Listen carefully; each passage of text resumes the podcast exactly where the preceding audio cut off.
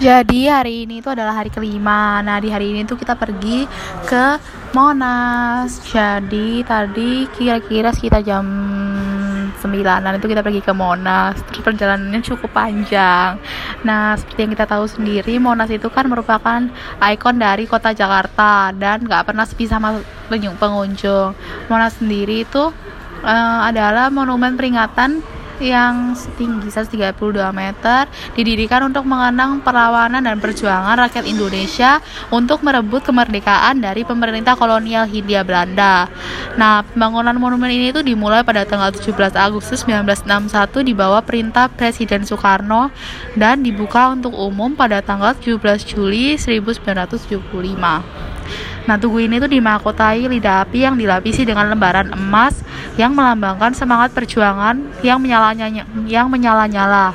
Dan monumen nasional terletak tepat di tengah lapangan Medan Merdeka Jakarta Pusat. Nah, tadi setelah kita pergi ke Monas itu pas kita datang ke sana kita tuh didampingi oleh tour leader, salah satu uh, orang yang biasanya berada di sana terus kayak ngejelas ngejelasin di sana ada apa aja, terus nanti yang nganterin kita uh, pergi ke sana sampai ke atas lidah api eh sebelum lidah api gitu. Terus uh, kalau sejarah dari Monas sendiri itu tadi kita juga dijelasin kalau misalnya Monas itu adalah pusat pemerintah Republik Indonesia. Uh, setelah pusat pemerintah Republik Indonesia kembali ke Jakarta, Monas ini itu sebelumnya berkedudukan di Yogyakarta pada tahun 1950 dan menyusul pengakuan kedaulatan Republik Indonesia oleh pemerintah Belanda pada tahun 1949. Nah, Presiden Soekarno sendiri mulai merencanakan pembangunan sebuah monumen nasional yang setara dengan Menara Eiffel di lapangan tepat di depan Istana Merdeka. Oleh karena itu, pembangunan Tugu Monas ini bertujuan mengenang dan melestarikan perjuangan bangsa Indonesia pada masa revolusi kemerdekaan 1945. Uh, untuk mengenang dan melestarikannya dan agar kita terus membangkitkan inspirasi dan semangat patriotisme generasi penerus bangsa.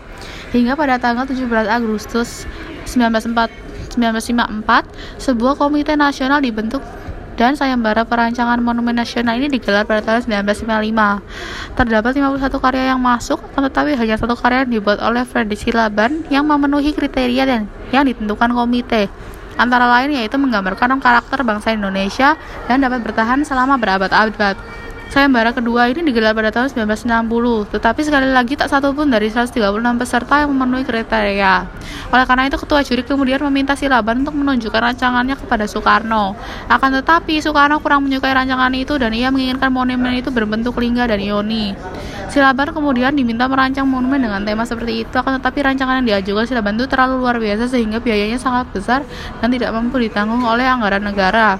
Terlebih kondisi ekonomi saat itu cukup buruk. Oleh karena itu, Silaban menolak merancang bangunan yang lebih kecil dan menyarankan perkembangan ditunda hingga ekonomi Indonesia mulai membaik. Kemudian Soekarno meminta arsitek R.M. Sudarsono untuk melanjutkan rancangan itu. Sudarsono memajukan angka 17, 8, dan 45 melambangkan 17 Agustus 45 memulai proklamasi kemerdekaan Indonesia ke dalam rancangan monumen itu. Tugu peringatan nasional ini kemudian dibangun di area seluas 80 hektar.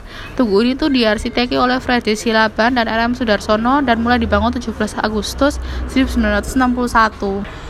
Terus pada tiap sudut halaman luar yang mengelilingi monumen terdapat relief yang menggambarkan sejarah Indonesia. Relief ini tuh bermula dari sudut timur laut dengan mengabadikan kejayaan Nusantara pada masa lampau, menampilkan sejarah Singasari dan Majapahit.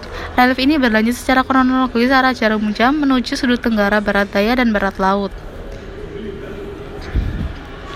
Secara kronologis, Uh, relief ini tuh menggambarkan bahwa masa penjajahan Belanda, pahlawan rakyat Indonesia dan pahlawan-pahlawan nasional Indonesia terbentuknya organisasi modern yang memperjuangkan bangsa Indonesia merdeka pada awal abad ke-20. Relief dan patung-patung ini tuh dibuat dari semen dengan kerangka pipa atau logam, namun beberapa patung arca tampak tak terawat dan rusak akibat hujan serta cuaca tropis.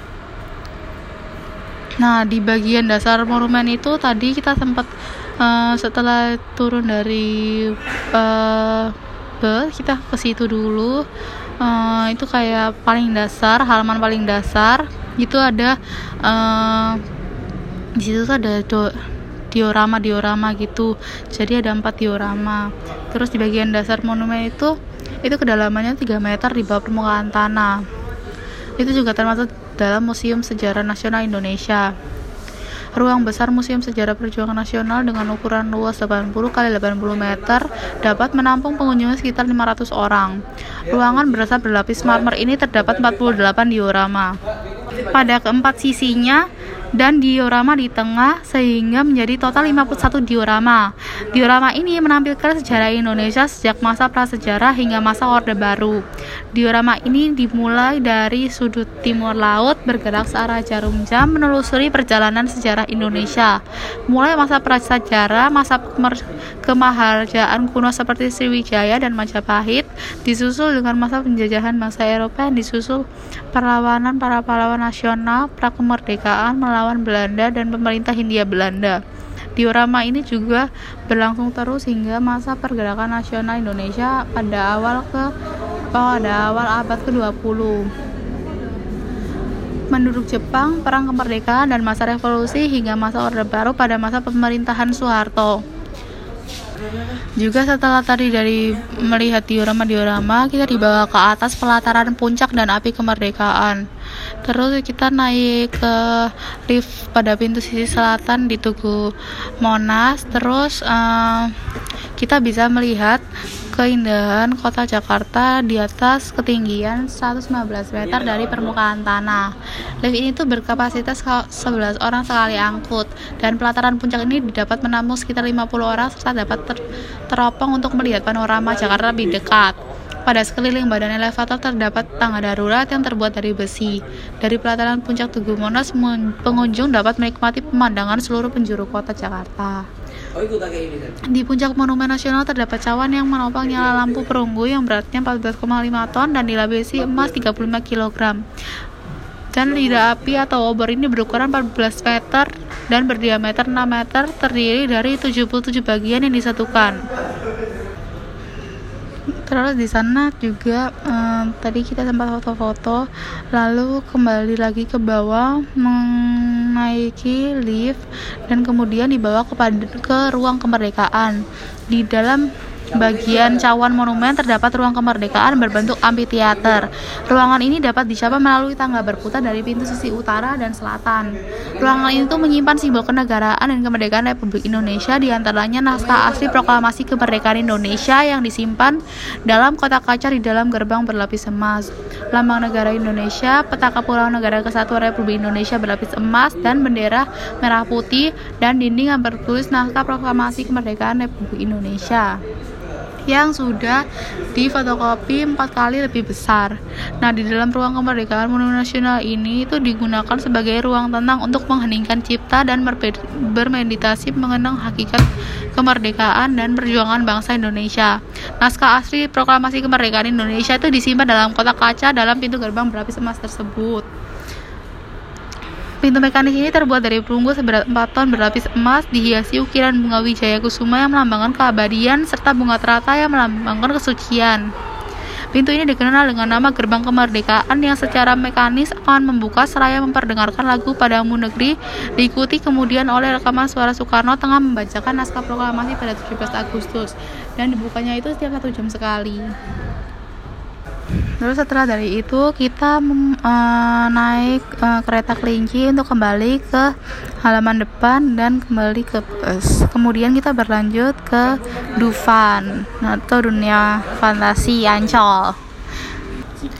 Dufan ini pertama kali dibuka untuk umum pada tanggal 29 Agustus 1985 dan merupakan tempat pertama yang dikembangkan oleh perseroan dan telah memiliki sertifikat IOS 9001 2015 sejak Februari 2017.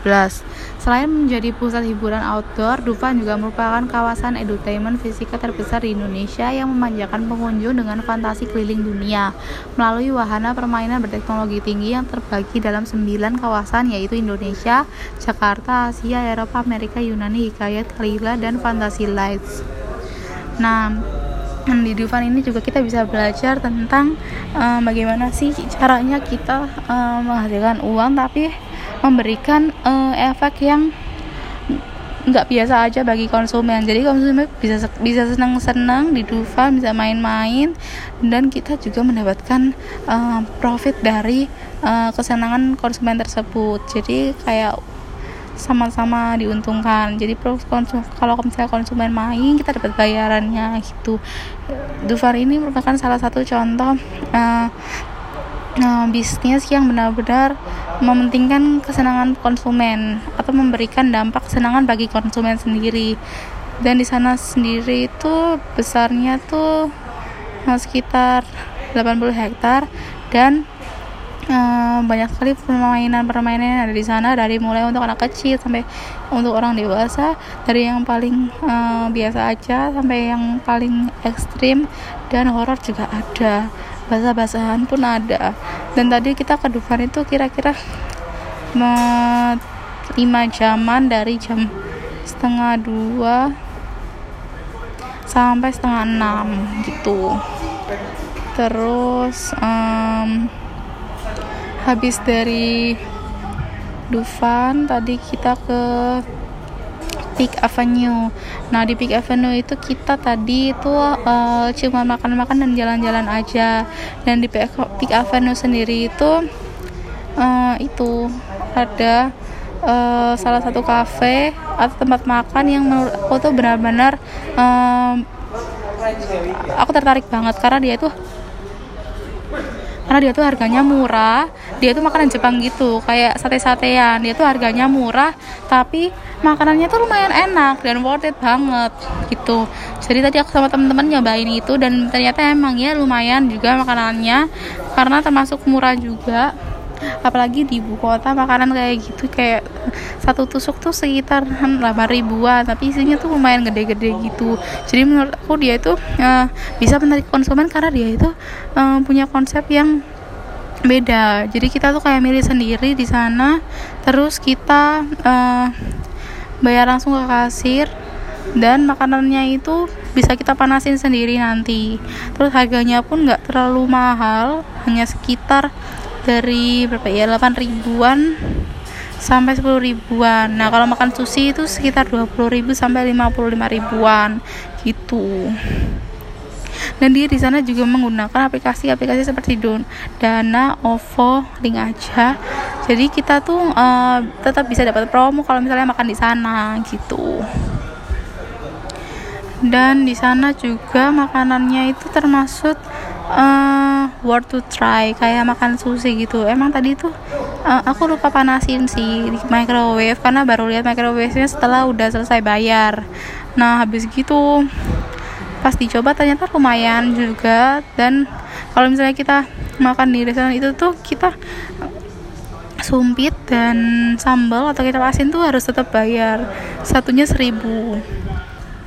Jadi cukup menarik menurutku untuk um, bisnis seperti ini. Dan rumah makan ini tuh cukup menarik perhatian. Banyak orang karena tadi juga benar-benar rame banget. Di sana tuh jualannya sebenarnya ya kayak salmon ball terus fish ball terus sate terus uh, kulit ayam dan lain-lain seperti itu. Dan tempat makannya tadi itu berada di food court Big Avenue di lantai sebelum Selfit nama nama tempat makannya itu Shigeru. Jadi dia itu kayak makanan Jepang Jepangan gitu. Kayak ada susinya ada uh, sate-sateannya terus ada banyak banget. Pokoknya di sana tuh selain kalian bisa uh, nyemil kalian juga bisa makan makanan berat. Dan di sana itu juga harga makanannya itu enggak terlalu enggak terlalu mahal. Jadi worth to try. Terus apalagi kalau zaman sekarang itu kan biasanya kalau mahasiswa atau uh, anak-anak kuliahan itu kan lebih suka makan cari makan itu tuh yang uh, harganya tuh lebih murah dan kenyang kan. Jadi kalau misalnya makan di restoran seperti itu yang harganya murah tapi worth itu bakal lebih menguntungkan buat mereka. Dan mereka pasti bakal lebih tertarik lagi buat datang ke situ. Apalagi makanannya juga enak-enak banget. Uh, terus uh, pokoknya di situ uh, menurut aku dapat banget uh, anal dapat banget loyalty dari konsumer buat restoran itu. Karena uh, dengan dia memberikan harga yang rendah ke, dari produknya tersebut tapi memberikan kualitas yang baik konsumen itu kan pasti bakal bakal uh, memberikan profit memberikan profit dan engagement yang baik juga kepada restoran tersebut. Kira-kira um, dari hari ini um, cerita kita sudah sampai di penghujung dan kita sekarang mau mengucapkan terima kasih karena sudah mendengarkan